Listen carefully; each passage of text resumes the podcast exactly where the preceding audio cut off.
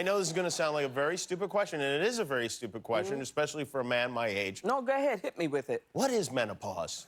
Menopause is hell. It is. Jimmy. Is it really? Menopause is a dark hole. Okay, that's what menopause is, and that's where I'm at right now. So I either will love my husband today or kill him today. Oh, no. How long does it last? You know what? Somebody needs to tell me because it's lasted now for about six or seven years. I started hot flushes when I was 52. But I didn't realize that was menopause. I thought my heating was broken. I can literally feel the hot flash start in my brain. And also, I can feel where in the brain it starts. It's in the front, like left hand side. They sound, oh, well, just hot flushes or just hot flushes. But it's like you've just been sitting normally, and suddenly you feel as if your whole body's going into a fever. Overgangsalderen rammer halvdelen af alle mennesker på jorden. I 2025 forventes det, at den vil omfatte over 1 milliard kvinder, som ofte lider under op til 35 forskellige ubehagelige symptomer i flere år. Alligevel er teknologi til at tracke og afhjælpe overgangsalder først lige begyndt at dukke op. Vi har wifi-connected tandbørster, jobsamtaler i virtual reality og planlægger at rejse til Mars inden for få år. Så hvorfor er teknologiudviklingen målrettet kvinder i overgangsalderen så langt bagud? There's a lot of mystery and confusion surrounding menopause. Decrease in estrogen and other hormonal changes does come with medical concerns, such as osteoporosis, heart disease, diabetes, and vaginal dryness. Some of us are lucky and we will have no or mild symptoms. Others will experience trouble sleeping, irritability, depression, or decreased sex drive. Historisk set er kvinder underrepræsenteret i forskning om sundhed, og det har været tabu at beskæftige sig med kvinders helbredsmæssige udfordringer. Men efterhånden som flere kvinder er begyndt at arbejde inden for tech, er der blevet sat skub i industrien, der i 2016 blev døbt Femtech, kort for Female Technology. Femtech er enhver teknologi, som er målrettet at forbedre kvinders liv. Det kan være menstruationstracking-apps, præventionsapps, bækkenbundstrænere, sexlegetøj, nedkølningsarmbånd til hedeture og alt muligt andet. Efter Femtech bliver coinet, det har været bare meget spændende at se, hvad, hvad sker. Fordi pludselig har vi masser af nye teknologier, som kigger på vores krop, og hvad sker der i kroppen, og det handler om alting fra fertilitet til overgangsalder, og det betyder, at vi kan måle, hvad sker ind i vores krop. Vanessa Carpenter har 15 års erfaring med produktudvikling og har en Ph.D. i design og teknologi. Hun er stifter af virksomheden Kintsugi Design, Chief Innovation Officer hos virksomheden Gagarin, en del af IDA, Ingeniørforeningens ekspertkorps, og så arbejder hun for Tech Truster, som leverer de seneste nyheder inden for femtech, derunder Minotech, som handler om overgangsalderen. Vanessa er kanadier, men har boet mange år i Danmark. All right, everyone, is it hot in here or is it just me? Whew. Women are judged for getting older, for having gray hair, for hitting menopause. I'm taking a risk here talking openly about my symptoms, I am, because society frowns upon aging women. Hvordan kan teknologi afhjælpe de gener, kvinder lider under i forbindelse med overgangsalder? Og hvordan kan indsamling af data hjælpe til, at kvinders sundhed kommer op på linje med mænds? Jeg hedder Marie Høst, og du lytter til Blinde Vinkler.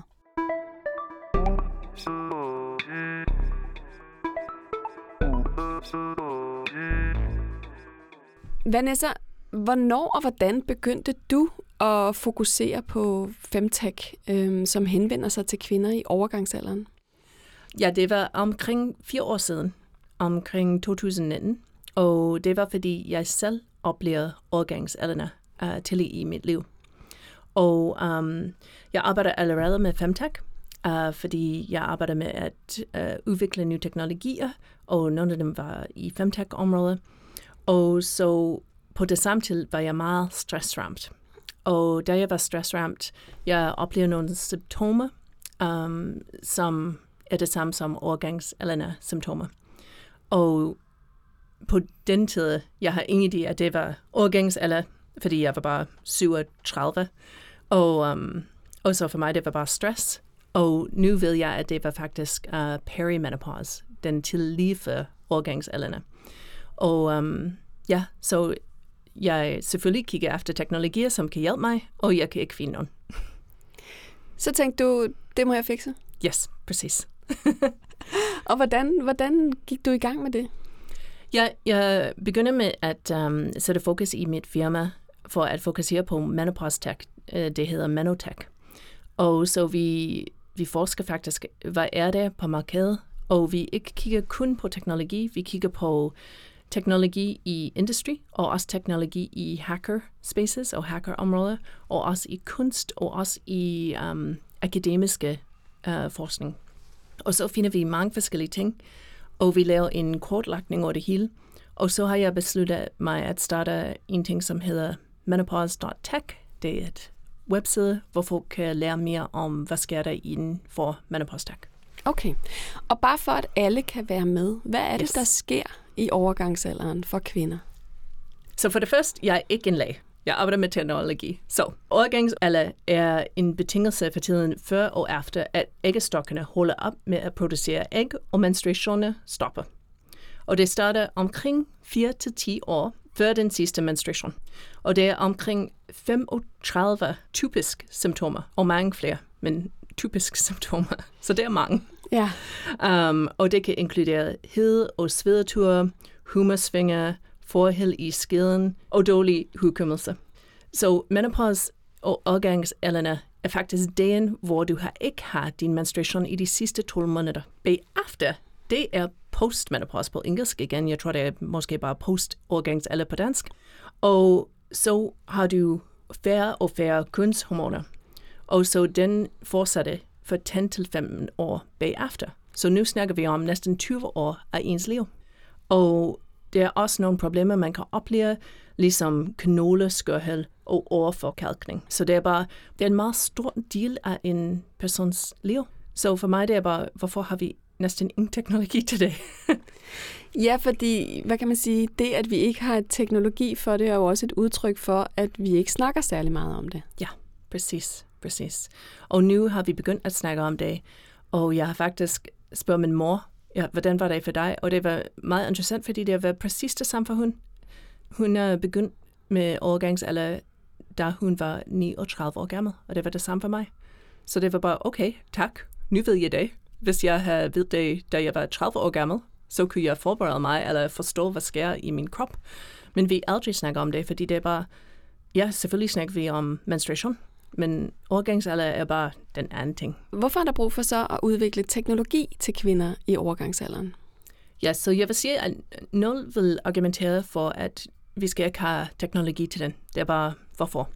Men til mindst kan man sige, at man skal have teknologi til at hjælpe dem track deres symptomer. Fordi der er så mange forskellige ting, som skal ske i kroppen. Så det er meget hjælpsomt for dig og også din læge for at forstå, hvad endelig er der, der sker i kroppen lige nu. Um, også fordi det er, det er meget nemt at forstå det som stress, i stedet Ah. for bare overgangsalder, fordi der er mange af de samme symptomer. Så det er en ting. Men jeg tror, at der er så mange mennesker, som bruger teknologi i det for at hjælpe dem med forskellige ting. Alt fra fitness til sovekvalitet til hvad de skal spise eller ej, eller deres fertilitet. Um, så for mig det er ligesom, vi har så mange kvinder, som dig og mig, som er unge kvinder, um, som vil forvente, at teknologien hjælper os, når vi bliver ældre. Ja, og hvad er det så? Altså, du nævner, at der er 35 forskellige almindelige symptomer på det her. Det er jo ja. Virkelig mange. Ja. Altså, hvor, hvor, hvor, kan man, hvor kan man sætte ind, tænker du, ud over, har du nævnt tracking. Er der noget andet? Der er mange forskellige måder, at teknologier kan hjælpe os. For eksempel i Kintsugi Design har vi arbejdet med en timeglas, og vi har lavet en prototyp af en timeglas, hvor det, det hjælper med en, der hedder brain fog. Jeg, jeg tror, den er ikke et ord på dansk, men brain fog, hvor du kan ikke rigtig tænke klart, og du glemmer ting, og det, hvad, hvad var det, jeg gjort lige nu? og så vi har lært den her timeglas, og hver gang du sætter den på den anden side, den begynder et til, hvor du kan fokusere på én ting. Så den sletter alle andre apps. Så for eksempel, hvis jeg bare bruger for eksempel Microsoft Word, så er det den eneste app, som står åben. Og alle andre er slukket. Så jeg kan bare fokusere på den der, i stedet for at, åh, oh, også den her, også den her, og så har jeg helt glemt om, hvad jeg skal gøre.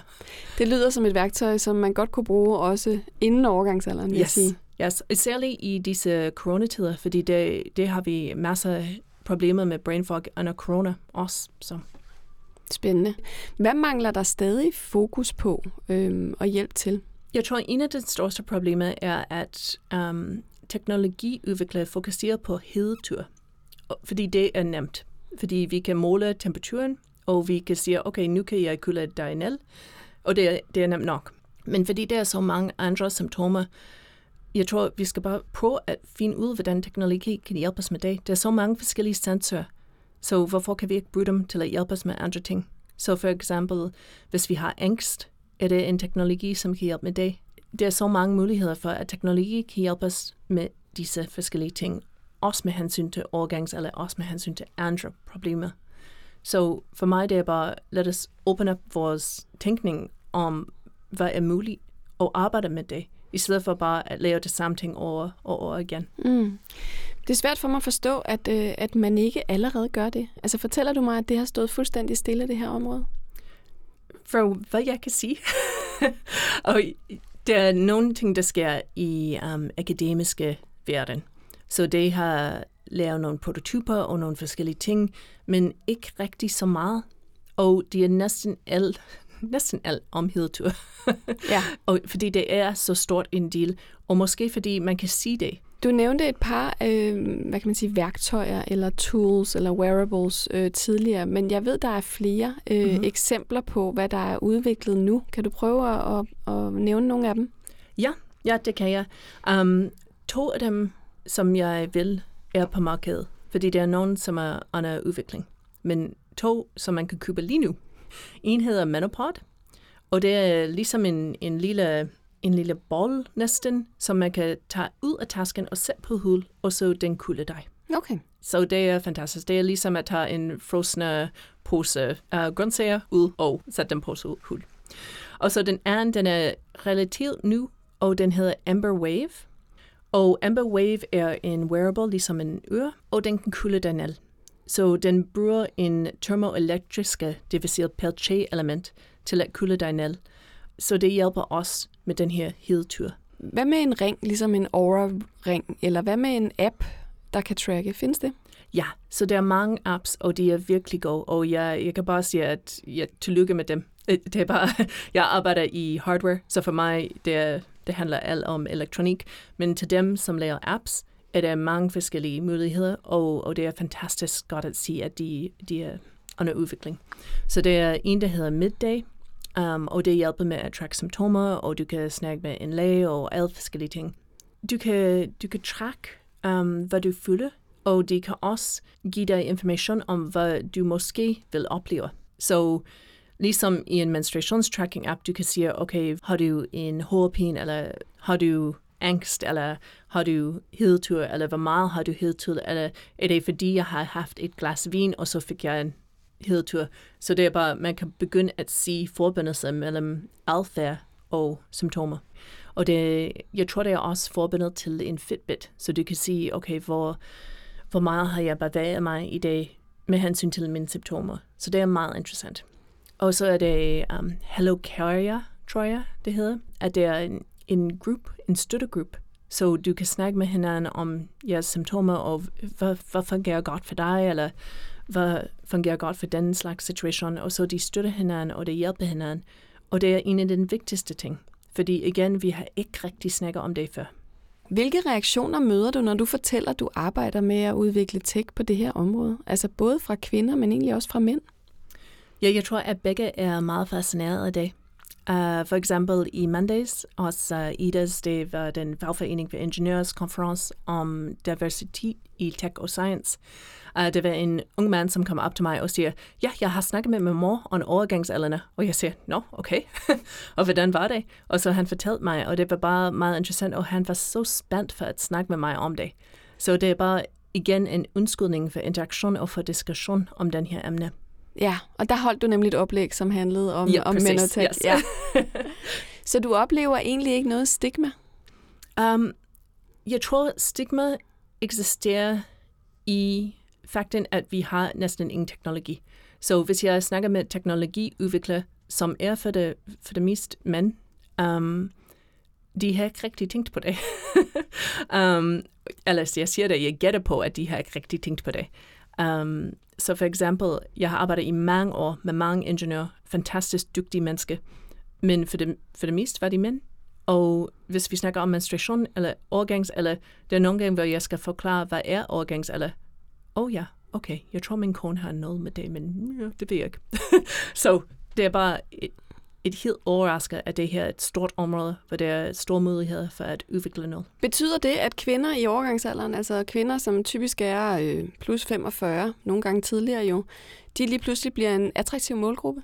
Ja, præcis. Fordi femtech har ikke været en, en rigtig område indtil de sidste fem år, tror jeg. Det var nogen af os, som har hørt om det, for, men for eksempel, måske er det nogle af jeres lytte, um, som har ikke hørt om femtech indtil i dag. Og det er også fint, fordi vi har ikke rigtig snakket om det. Så det er bare så spændende, at der er så mange forskellige ting, som sker i femtech og manatech lige nu.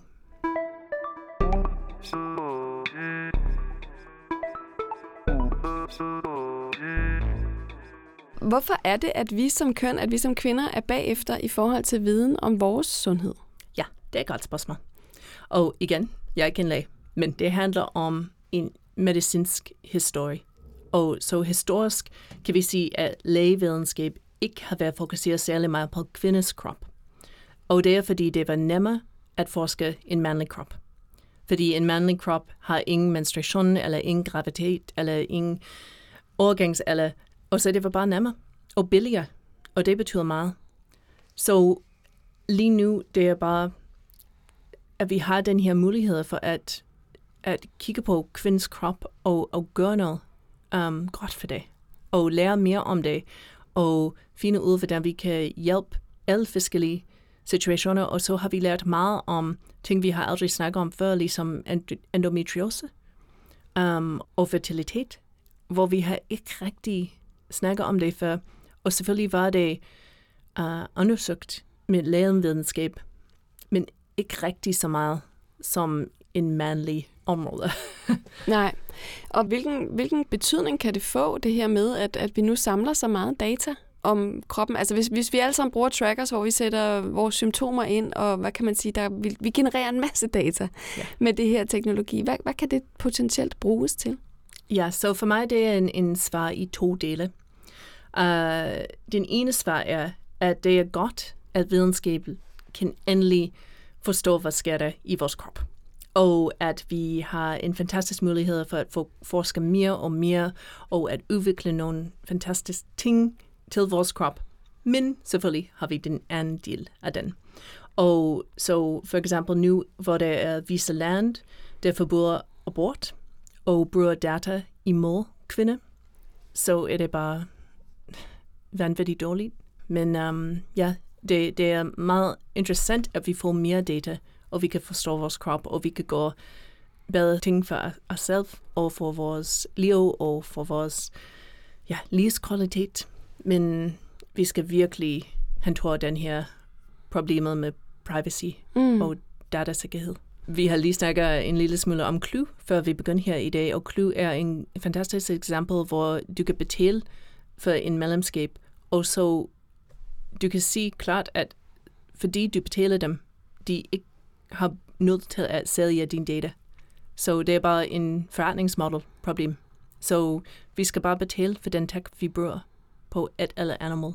Ja, det er altid et godt tip at huske, at det mm. er meget fint at betale for. Så ved man, at der ikke sker noget andet, man ja. ikke har lyst til at være en del af. Ja. Er Femtech stadig efter din mening et forretningsmæssigt undervurderet område? Nu sagde du lige, at det har meget vind i sejlene, men er der stadig noget at komme efter? Er det stadig undervurderet til dels? Ja, totalt. Så Femtech er meget spændende lige nu, fordi den vokser eksponentielt. Og jeg tror, det er bare meget interessant at, at kigge på, hvad sker der den med hensyn til investering. Så for eksempel i 2021, Femtech har modtaget omkring 3% af den samlede funding til digitale sundhedsteknologier. Og ifølge statister er Femtech-området vurderet til at være omkring 51 milliarder amerikansk dollars værd på verdensplan. Hvis du skal kigge lidt øh, frem i tiden, lad os sige 5 eller 10 år frem i tiden, hvordan, hvordan ser det ud i forhold til Femtech og Minotech, som jo er specifikt dit område, tænker du? Ja, så for mig, jeg håber, at det er mere inkluderende. Fordi i det her, vi snakker meget om mænd og kvinder, men selvfølgelig, vi skal fokusere på de andre køn, og um, hvad vi kan lave til alle køn, og hvad vi kan hjælpe folk med.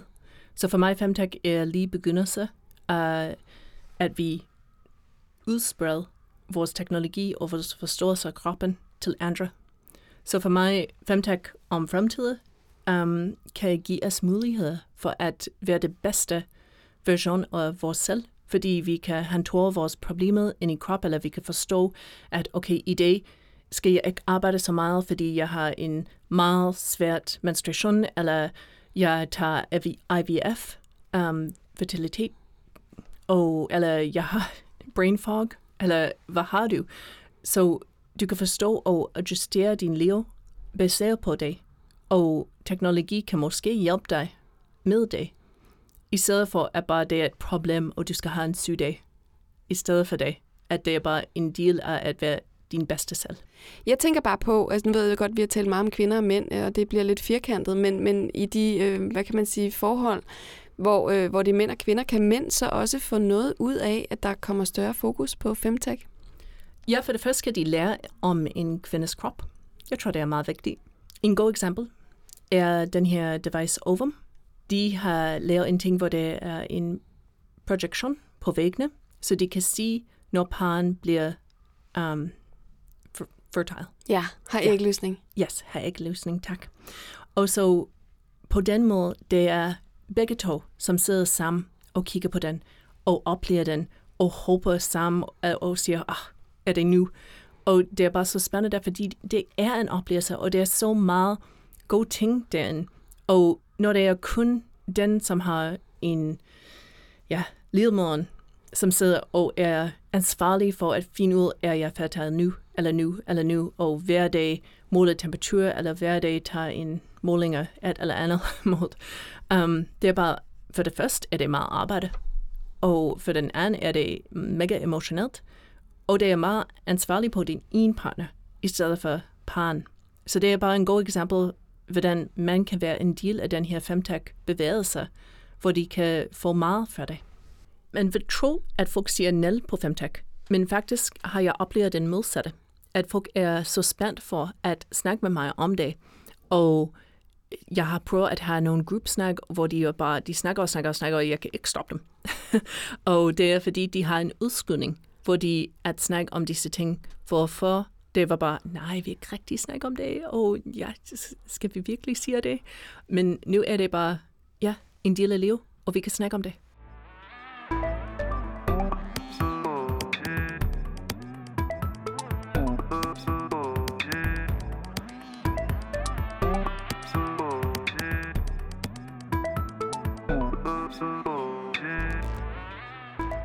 Du har hørt klip fra blandt andet Updocs fra The New York Times, Body Stuff with Dr. Jan Gunter, og du kan finde links til det hele i show notes til episoden. Podcasten Blinde Vinkler er produceret af Ingeniørforeningen Ida og IT-branchen og udviklet i samarbejde med Tina Røven Andersen og Rune Fik Hansen. Den er tilrettelagt, redigeret og beværtet af mig. Jeg hedder Marie Høst.